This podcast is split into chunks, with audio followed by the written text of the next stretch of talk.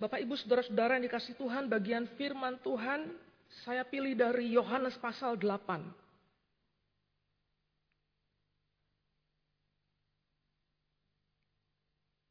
Kita akan membaca ayat 30 sampai 36. Yohanes 8 ayat 30 sampai 36. Setelah ia mengatakan semuanya itu, banyak orang percaya kepadanya. Lalu Yesus berkata kepada orang-orang Yahudi yang telah percaya kepadanya, Jikalau kamu tetap dalam firmanku, kamu benar-benar muridku, dan kamu akan mengetahui kebenaran dan kebenaran itu akan memerdekakan kamu. Jawab mereka, kami adalah keturunan Abraham dan tidak pernah menjadi hamba siapa pun. Bagaimana engkau dapat berkata, kamu akan merdeka? Kata Yesus kepada mereka, sesungguhnya aku berkata kepadamu, setiap orang yang berbuat dosa adalah hamba dosa. Hamba tidak selamanya tinggal dalam rumah, tapi anak tinggal dalam rumah selamanya. Jadi apabila anak itu memerdekakan kamu, kamu pun benar-benar merdeka. Sedemikian jauh pembacaan firman Tuhan yang berbahagia ialah mereka mendengarkan firman dan memeliharanya dalam kehidupannya hari lepas hari. Saudara-saudara, salah satu keahlian kita orang berdosa itu adalah berbohong. Ini keterampilan yang semua orang bisa. Nggak ada orang yang mengaku, aduh saya susah nih bohong gitu. Nggak ada saudara. Keterampilan berbohong itu semakin mahir kita lakukan, bahkan sering kali bersamaan dengan bertambahnya usia kita. Karena kita sering menggunakannya. Saudara seorang bernama Robert Fieldman, dia menulis sebuah buku. Ya, dia menulis sebuah buku. Dia seorang psikolog. Dia menulis sebuah buku yang berjudul The Liar in Your Life. Dia melakukan penelitian tentang orang-orang yang berbohong. Menurut penelitiannya, setiap 10, man, 10 menit manusia tuh berbohong tiga kali. Coba kita ingat-ingat diri kita berapa kali dalam waktu satu menit berbohong, saudara. Menurut buku itu, 10, dalam 10 menit tiga kali orang berbohong.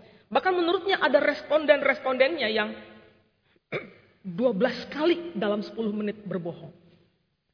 Artinya kalau kita panggil, ambil yang paling umum, dalam waktu tiga menit, setiap tiga menit kita bohong sekali. Kita bohong sekali. Saudara, apakah yang terjadi pada kita orang percaya yang beribadah hari ini? Apakah kita juga sudah berbohong berapa kali hari ini? Ya, dari bangun pagi sampai kita sampai di sini sudah berapa kali kita berbohong? Apakah ini, apakah penelitian Robert Feldman itu juga terjadi pada kita orang percaya? Bisa saja, bisa saja. Dalam proses kita bertumbuh sebagai murid Tuhan, kita masih harus terus berjuang. Berjuang sedemikian rupa untuk terbebas dari berbohong ini. Karena kita sudah terbiasa berbohong, saudara. Kita sudah terbiasa berbohong. Kita memakai ke kebohongan untuk berbagai tujuan. Kita memakai kebohongan untuk memproyeksikan diri kita supaya kita menjadi apa yang kita ingin orang lain pikirkan tentang kita. Ya. Kita ingin memproyeksikan sesuatu supaya orang lain berpikir sesuatu tentang kita. Kita pakai dengan cara berbohong. Kita bohong untuk kepentingan kita. Tapi mungkin kita juga bisa berbohong untuk kepentingan orang lain, saudara. Kita mengaku kita berbohong untuk menjaga perasaan orang supaya orang nggak sakit hati. Kita juga bisa bohong.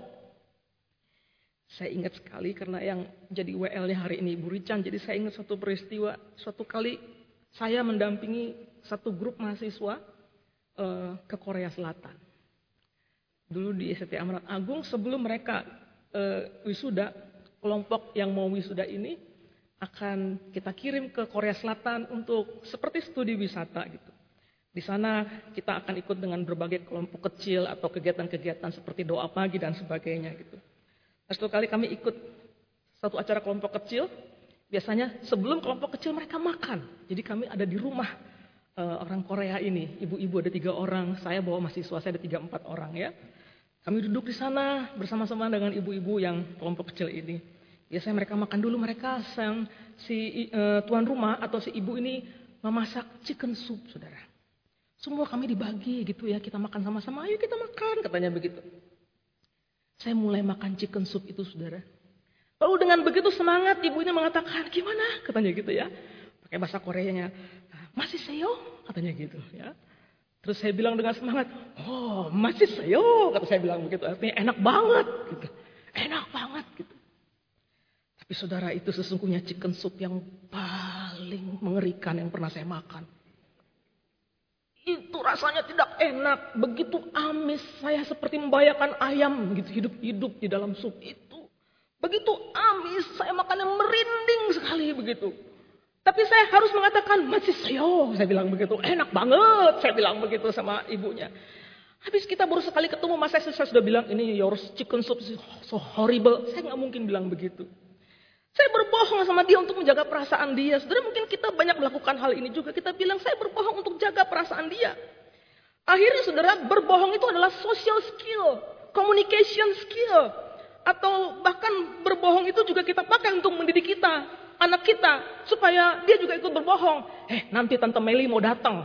Bilang mama tidak ada ya. Kita bilang gitu. Kita ngajarin mereka untuk berbohong. Jadi kebohongan itu bahkan menjadi suatu keterampilan untuk bertahan hidup, saudara. Untuk bertahan hidup orang tuh berbohong. Bahkan kemudian kita percaya dengan kebohongan itu. Itu menjadi satu kekuatan yang luar biasa dalam hidup kita. Kebohongan itu bisa menguasai kita. Kita percaya bahwa bohong itu menolong kita mendapatkan sesuatu yang kita inginkan. Berbohong itu membuat kita terhindar dari apa yang kita takutkan.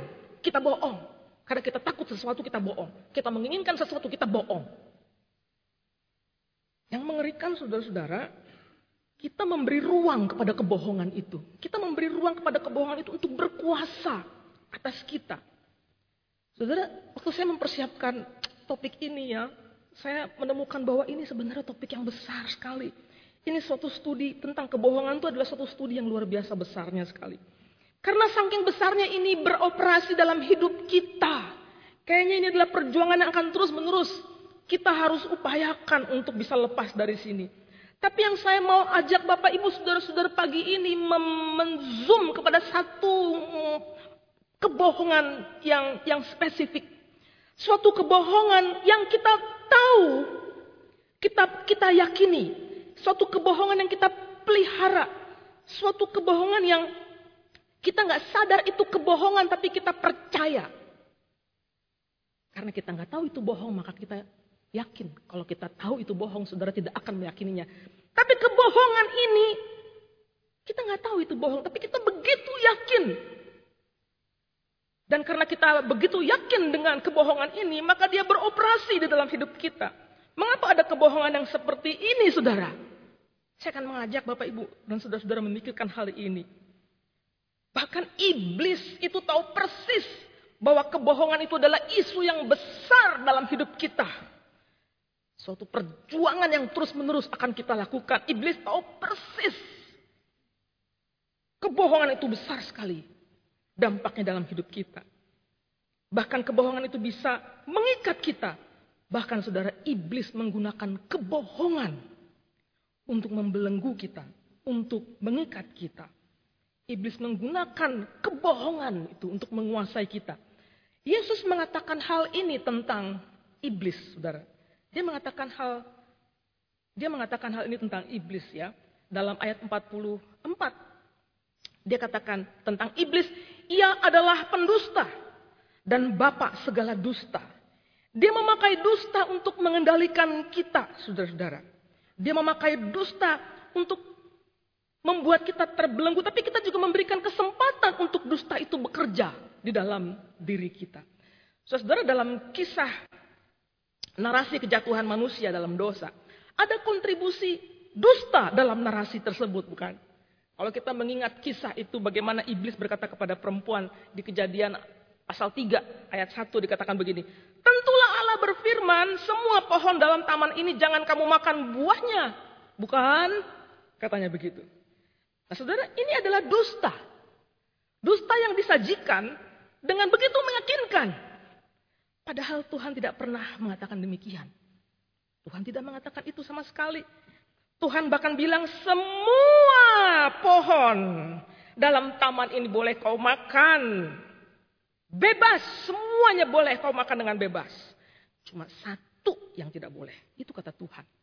Tapi diputar balik, dipelintir oleh iblis. Dengan mengatakan semuanya nggak boleh bukan? Katanya begitu. Saudara-saudara, iblis sedang mengarahkan pikiran perempuan ini dengan dusta. Awalnya perempuan ini masih bisa jawab menjawab. Dia pikir dia kuat, tapi akhirnya dia diperdaya oleh iblis. Kenapa? Karena dia mendengarkan dusta itu. Dia mendengarkan dusta itu, bahkan dia hanyut dalam dusta itu, dwelling di dalam dusta itu. Saudara-saudara, kebohongan itu kemudian mengarahkan perempuan ini kepada fokus yang memang iblis ingin manusia lakukan, yaitu melawan Allah. Saudara, kebohongan itu menjadi sangat powerful karena kita sendiri memberikan tempat pada kebohongan itu, sehingga kebohongan itu menguasai kita, memenjarakan diri kita. Saya akan kasih contoh yang lebih dekat lagi, saudara. Beberapa waktu yang lalu, di bulan Juni tepatnya, eh, kami mengadakan retreat untuk remaja, ya, anak-anak SMA. Diadakan di kampus. Saya memimpin sesi di malam terakhir, saudara. Sebelum saya khotbah, ada 120 anak ada di dalam chapel kami. Sebelum saya khotbah, saya sudah naik setelah berdoa. Saya minta, oke okay, sekarang kalian semua silakan turun ke bawah. Saya bilang di lantai dua Eh, ke kelas-kelas yang sudah kami siapkan. Saudara, di dalam kelas-kelas itu mereka akan melihat begitu banyak tulisan-tulisan di dinding, gambar-gambar dan sebagainya. Mereka akan berjalan dari satu kelas ke kelas yang lain, mengamati hal-hal yang dituliskan, yang digambarkan di, di dinding itu. 120 anak melakukan pada waktu yang sama. Dan kemudian mereka akan dipersilahkan untuk mengambil kertas-kertas yang tersedia di, di, di meja-meja di sana, yang tulisannya adalah apa yang mereka baca di dinding. Jadi instruksinya adalah, kalau kamu merasa itu kamu, kalau kamu merasa itu, kamu pernah mendengarkan itu, dan kamu merasa it, it's you, it's so you, silakan ambil kertas itu. Jadi saudara bayangkan, anak-anak itu kemudian berjalan dari satu dari satu kelas ke kelas yang lain setiap mereka baca, dia ambil kertasnya. Dia baca lagi, dia ambil kertasnya. Setelah sekitar 10-15 menit, saya cuma nunggu di atas di lantai tiga di chapel kami. Saya duduk diam, lalu mulailah 120 anak ini sedikit demi sedikit masuk ke dalam kelas, eh, ke dalam chapel. Tidak ada yang ngobrol, gak ada yang ribut, semua diam. Tapi mereka duduk diam, air mata mereka berlinang. Sebagian besar dari mereka duduk terdiam dan menangis. Di tangan mereka itu kertas-kertasnya di tangan mereka mereka genggam. Saudara tahu apa yang kami tulis di kertas-kertas itu? Kamu anak tidak berguna. Kamu bodoh. Kamu nggak akan pernah berhasil. Kamu selalu gagal. Kamu selalu menyusahkan orang tua. Sebenarnya ada banyak kalimat yang baik yang juga kita taruh di atas. Tapi kebanyakan mereka memilih kalimat-kalimat seperti ini. Saudara, setelah saya berkhotbah, saya memberikan kesempatan kepada anak-anak untuk didoakan secara pribadi.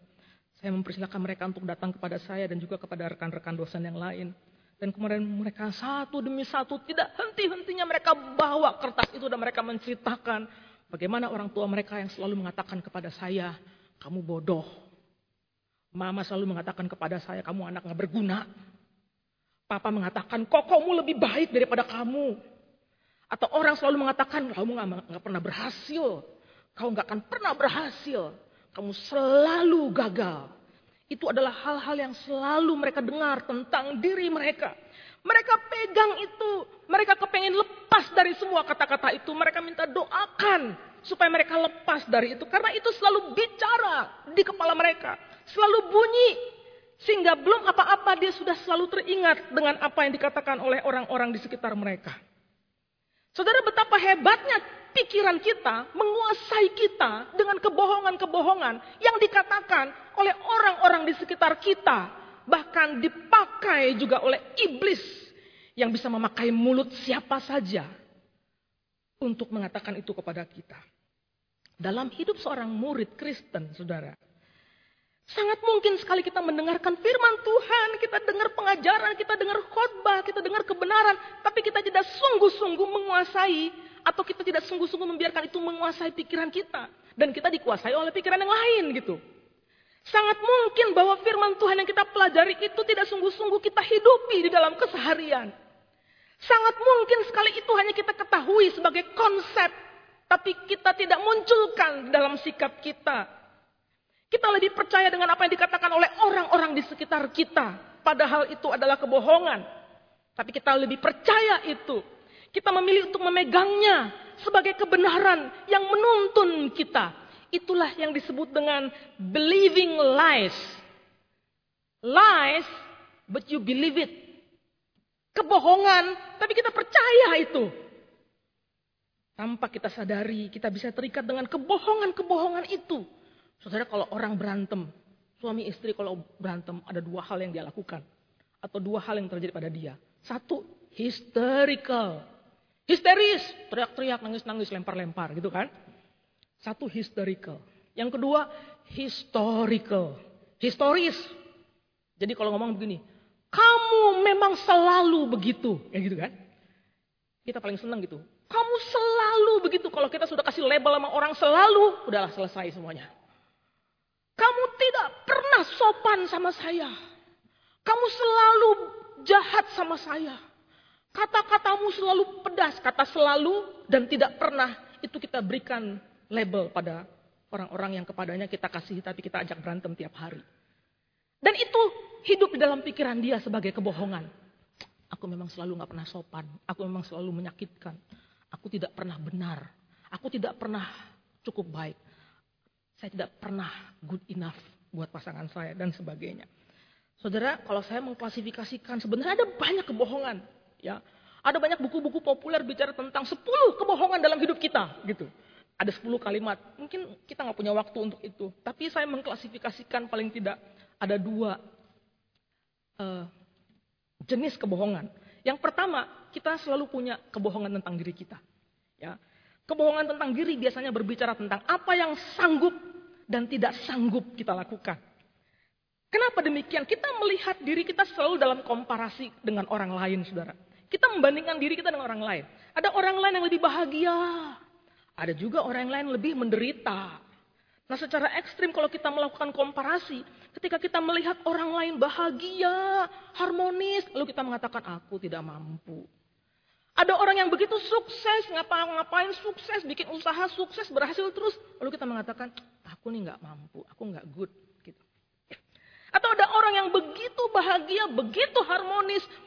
Satu keluarga, kalau ke mana-mana selalu bersama-sama. Lalu mengatakan, aku tidak bahagia. Aku kesepian, aku tidak cukup baik. Dan sebagainya, saudara.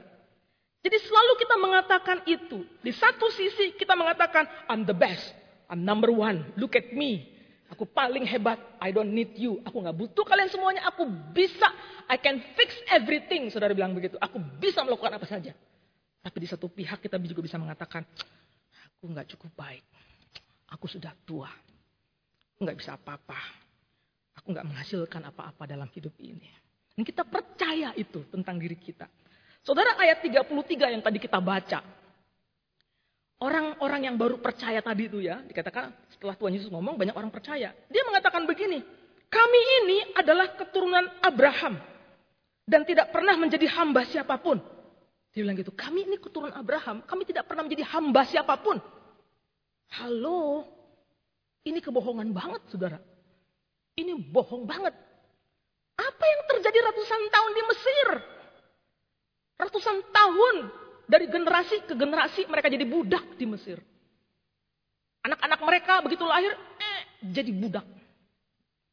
Apa yang terjadi ketika mereka dibuang ke tanah Babel? Ini kebohongan. Dia bilang, kami keturunan Abraham. Kami tidak pernah jadi budak siapa pun. Kami tidak pernah jadi hamba siapa pun. Ini kebohongan, saudara. Bahkan ketika mereka mengatakan itu, mereka sedang dijajah oleh orang Romawi. Ini kebohongan. Kebohongan ini memberi makan kepada kesombongan mereka.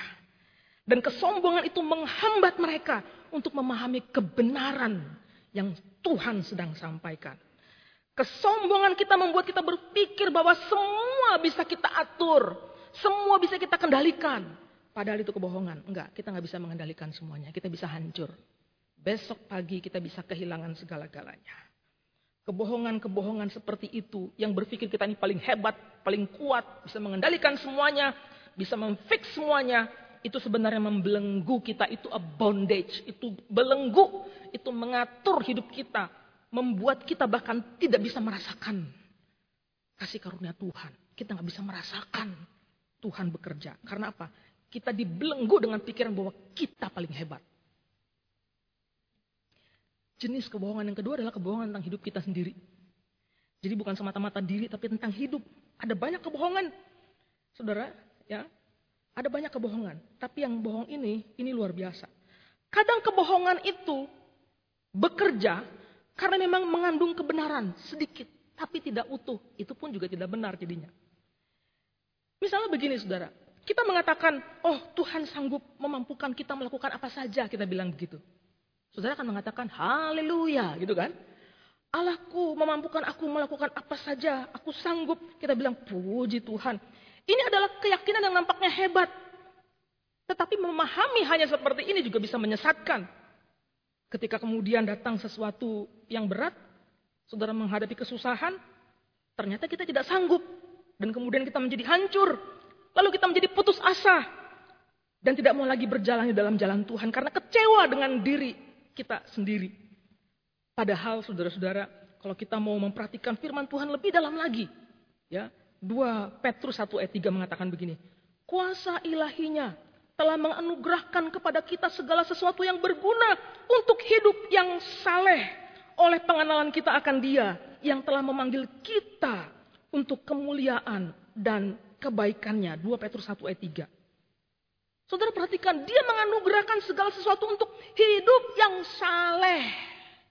Hidup yang saleh itu bukan yang sekedar menang, kaya, dapat semuanya, selalu untung dan sebagainya. Hidup yang saleh bukan sekedar bahwa hidup kita dikuasai oleh segala target, goal, keinginan duniawi kita, kita dapati. Bukan. Ini adalah hidup yang menjadi rancangan Allah. Allah yang merancangkan hidup yang penuh kemuliaan untuk kita. Seringkali pemahaman kita hanya sepotong dan itu justru menyesatkan. Sangat mungkin bagi kita orang yang mengaku sudah percaya tapi pikirannya belum sepenuhnya diperbaharui. Tapi masih dipenuhi oleh kebohongan-kebohongan yang menyesatkan, melemahkan, dan membuat kita tidak bertumbuh. Nah saudara-saudara tentu kita bertanya kalau gitu gimana caranya? Bagaimana caranya supaya kita sungguh-sungguh terbebas dari kebohongan itu? Saudara, di dalam Yohanes pasal 8 yang kita baca tadi ayat 30 memperlihatkan Tuhan sedang melakukan percakapan dengan orang-orang yang menjadi percaya setelah mendengarkan uh, pengajarannya. Jadi orang-orang yang mengaku baru percaya ini bahkan di bagian lain dikatakan juga di antaranya adalah orang-orang Farisi. Bukan sekedar orang Yahudi tapi juga orang-orang Farisi. Orang-orang ini mengaku baru percaya sesungguhnya hanya memiliki satu iman yang sifatnya surface, sifatnya permukaan. Dia tidak sungguh-sungguh dalam hati mereka. Mereka hanya terpesona. Mereka begitu kagum dengan mukjizat yang Tuhan lakukan. Mereka begitu terpesona dengan kuasa yang Yesus lakukan. Sehingga kepada orang-orang ini kemudian Yesus mengatakan, jikalau kamu tetap berada dalam firmanku, kamu benar-benar muridku. Saya rasa ini ayat yang penting sekali untuk mengajarkan kita bagaimana kita bisa hidup sungguh-sungguh terbebas dari belenggu itu. Ketika kita abide in him. If you abide in him, abide in abide in me, Artinya abide atau kata tetap tinggal. Itu artinya tinggal terus menerus. Artinya to dwell. Artinya to be at home. To be at home saudara. To be at home in God's word. Terhadap firman Tuhan kita bukan seperti orang yang bertamu ke rumah tetangga. Kalau kita berumah, kalau kita bertamu ke rumah tetangga itu hanya sekali-sekali. Kita bertamu ke tempat saudara kita hanya sekali-sekali. Kalau ada ulang tahun kita pergi ke tempat saudara kita. Kalau ada yang lagi susah kita berkunjung ke rumah kawan kita. Sekali-sekali. Bukan seperti itu. Terhadap firman Tuhan ini kita seperti tinggal di rumah. Kita move in. Kita tinggal di dalamnya. Kita bangun pagi di situ. Kita tidur di situ. Kalaupun kita pergi jauh, pasti pulang ke situ lagi. Kerja pun setiap hari balik lagi ke situ. Kita makan di sana, kita tertawa di sana, kita menangis meratap juga di sana. Kita beristirahat di sana, kita hidup di dalamnya. Jadi tetap tinggal, itu seperti to be at home in God's word. Saudara, firman itu memimpin kita. Ketika kita abide, ketika kita tetap di dalamnya, maka dia memimpin kita. Membentuk cara kita berpikir, membangun wawasan berpikir kita. Tidak ada area dalam hidup kita yang tidak disentuh atau dibentuk oleh firman. Firman itu beroperasi di dalam hidup kita. Karena kita hidup di dalamnya. Hidup dalamnya artinya kita terus menerus melakukan. Bukan sekedar terus menerus membaca. Karena membaca sama melakukan itu dua hal yang berbeda saudara. Membaca sama melakukan itu dua hal yang berbeda. Kita bukan baca saja. Tapi kita melakukan kebenaran firman. Saudara tahukah Anda bahwa secara teori Kekuatan belajar itu ditentukan dari repetisi, mengulang. Repetisi atau pengulangan adalah cara belajar yang ampuh. Orang kalau belajar nggak pernah diulang, nggak jadi itu apa yang dipelajari. Jadi kita perlu juga mengulang-ulang, mengulang-ulang sampai kita bisa melakukannya dengan baik. Bukan cuma baca firman Tuhan, tapi diulang lagi, dilakukan lagi, diulang lagi, dilakukan lagi. Sebenarnya kebohongan-kebohongan yang kita terima itu juga bekerja hampir mirip. Dia bekerja dengan repetisi, didengar berulang-ulang. Kamu nih anak nggak baik, kamu anak nggak ada guna. Itu berulang-ulang, bertahun-tahun dari kecil sampai remaja, sampai udah gede. Menikah pun dikatakan, tuh kan saya bilang juga apa, kamu nggak baik, rumah tanggamu juga nggak baik. Terus menerus, repetisi, diulang-ulang dan dia percaya. Ngeri sekali kalau seperti itu saudara. Begitulah kita diikat oleh dusta. Karena berkali-kali diperdengarkan kepada kita. Berarti ada proses juga yang harus kita lakukan terus menerus. Tinggal di dalam firman Tuhan. Allah memang menyelamatkan kita. Di dalam Kristus kita dibebaskan dari ikatan dosa, saudara. Tapi ada perjuangan yang harus kita lakukan di dalam hidup ini, saudara. Satu perjuangan di mana kita tinggal tetap terus menerus dalam kebenaran itu. Terus menerus. Itu perjuangan. Sehingga ketika kita gagal, ketika kita menemukan kegagalan, kehilangan, ataupun ketika kita menemukan kekalahan, itu tidak membuat kita jadi menyerah. Itu tidak membuat kita berkata, benar kan? Memang aku ini nggak sanggup. Bukan itu yang bicara. Bukan kalimat itu yang menguasai kita. Tapi yang bicara kepada kita adalah firman Tuhan yang mengatakan, cukuplah kasih karuniaku bagimu. Sebab justru dalam kelemahanku lah, kelemahanlah kuasaku menjadi sempurna. Itu yang bunyi. Itu yang berkuasa. Lalu kita tidak jadi hancur. Kita kalah betul. Kita gagal betul. Tetapi kegagalan itu tidak menghancurkan kita. Karena ada kebenaran yang berkuasa. Yaitu kasih karunia yang mencukupkan. Sehingga kalaupun aku gagal, it's okay. Aku tetap dikasihi. Aku tidak give up. Aku tidak menyerah. Aku tidak menyerah akan rumah tanggaku. Aku tidak menyerah pada anakku yang menyusahkan ini. Aku tidak menyerah kepada ibuku yang sudah mulai ngomel-ngomel ini. Aku tidak menyerah kepada gerejaku. Aku tidak menyerah kepada teman-teman pelayananku. Walaupun aku sudah mulai capek. Tapi aku tahu kasih karunia mencukupkan aku. Itu yang pertama saudara. Yang kedua saudara. Kita, bagaimana kita bebas dari kebohongan itu. Kita bebas dari kebohongan ketika kita hidup dalam relasi dengan Kristus. Tuhan Yesus dalam firman hari ini mengatakan kamu akan mengetahui kebenaran. Dan kebenaran itu akan memerdekakan kamu. Bagaimana abide in Christ atau tetap dalam firman yang membuat kita dibebaskan saudara. Di sini Tuhan bicara tentang kebenaran yang membebaskan. Kebenaran yang menyelamatkan. Yang menyelamatkan. Mereka yang tidak mengenal Allah tinggal dalam kegelapan dan tidak bisa mengerti. Mereka tidak tahu tujuan hidupnya, mereka tidak tahu untuk apa mereka hidup. Tapi orang yang diselamatkan mengenal Kristus di dalam firman-Nya. Yang akan membuat mereka bebas. What kind of freedom? Mereka akan mendapatkan freedom. Freedom apa? Freedom untuk tidak berbuat dosa. kebebasan untuk mengasihi Allah, kebebasan untuk hidup baginya, kebebasan untuk melakukan kebenaran. Karena orang yang belum diselamatkan selamanya hidup dalam belenggu. Mereka tidak tahu kenapa mereka hidup di dunia ini. Mereka hidup dalam belenggu dosa. Saudara ilustrasinya sederhana begini. Orang yang bisa membaca itu beda sekali dengan orang yang buta huruf. Orang yang tidak, orang yang bisa membaca, maka dia mampu belajar apa saja. Dia baca buku-buku kedokteran, dia baca buku-buku hukum, dia baca buku-buku tentang sosiologi, dia baca buku apa saja. Dan bebas belajar apa saja. Tapi orang yang buta huruf akan terbatas. Dia perlu orang lain yang mengatakannya. Dia tidak bisa bebas mengetahui. Terbatas di dalam mendapatkan informasi. Saudara, apakah Anda juga sudah memiliki kebebasan seperti itu? Atau selama ini Anda ada dalam belenggu dosa? Saudara nggak bisa bilang tidak sama dosa.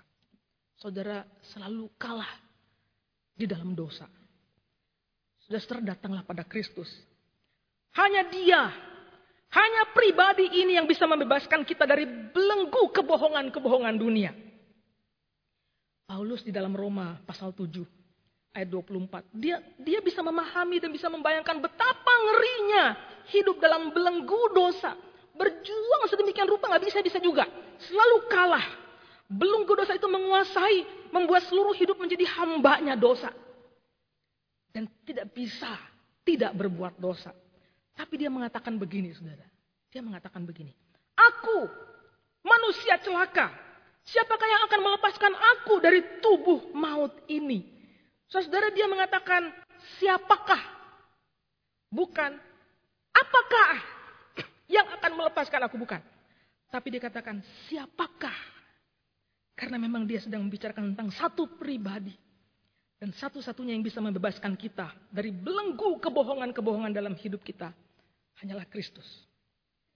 Saudara datanglah pada Kristus. Dia begitu mengasihi kita. Itu kebenarannya. Itu kebenarannya. Dia mengasihi kita. Kalau ada orang mengatakan dosaku terlalu besar dan tidak mungkin diampuni, itu kebohongan. Itu kebohongan. Karena Kristus telah menyatakan kuasanya di kayu salib. Dan dia membebaskan kita dari ikatan dosa. Itu kebenaran. Itu yang benar. Bapak Ibu berapa banyak kebohongan yang selama ini membelenggu kita. Karena kita mendengarnya berkali-kali terus-menerus. Kita mendengarnya dari orang tua kita, berkali-kali kita mendengarkan dari orang-orang di sekeliling kita.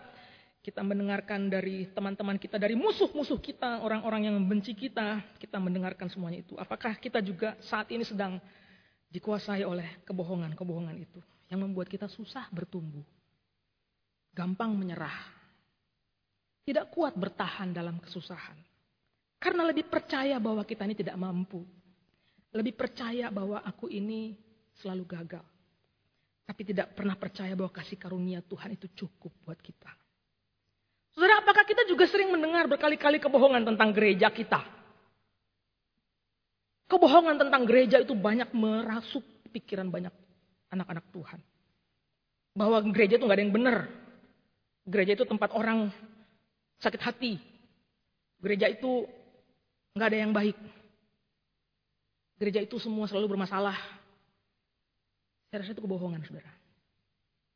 Akhirnya, karena kita percaya begitu, kita cari gereja yang paling baik. Kita keliling seluruh Jakarta. Kenapa keliling seluruh Jakarta kita cari gereja yang paling baik? Yang paling nyaman. Yang membuat kita jadi diperhatikan. Yang membuat kita jadi paling dilayani. Kita coba semua gereja. Nggak ketemu, saudara. Padahal the truth is, bukan soal gereja mana yang paling benar, tapi apakah aku sudah sungguh-sungguh menjadi anggota tubuh Kristus yang benar? Apakah aku sudah menjadi anggota tubuh Kristus yang berfungsi dengan baik di jemaat ini? Anggota tubuh yang berfungsi itu berarti memberi dirinya bagi Tuhan. Memberi dirinya menjadi berkat bagi orang lain. Memberi dirinya untuk melayani, membantu orang, mengasihi orang, mengampuni. Itu kebenaran yang sesungguhnya. Kalau kita tahu kebenaran firman Tuhan, maka yang berbicara dalam diri kita seharusnya adalah kebenaran-kebenaran Tuhan. Bukan kebohongan-kebohongan yang melemahkan kita. Bapak, Ibu, Saudara-saudara nanti di rumah, silakan lakukan, lakukan latihan rohani. Pertama cari dulu, akui apa sesungguhnya kebohongan yang selama ini Anda percaya. Yang memengaruhi hidup Anda. Pasti ada. Apakah itu pernah dikatakan oleh orang-orang terdekat Anda? Apakah itu bicara tentang betapa hebatnya Anda? Atau betapa kurangnya Anda? Atau tentang hidup Anda? Cari apa kebohongan-kebohongan yang selama ini mengatur hidup kita. Mengendalikan cara kita berpikir, mengendalikan cara kita melihat orang lain, mengendalikan cara kita melihat hidup kita. Lalu yang kedua, coba temukan dalam Alkitab apakah kebenaran firman Tuhan yang melawan kebohongan itu. Kalau sudah ketemu, baca baik-baik, renungkan, lalu buat rencana.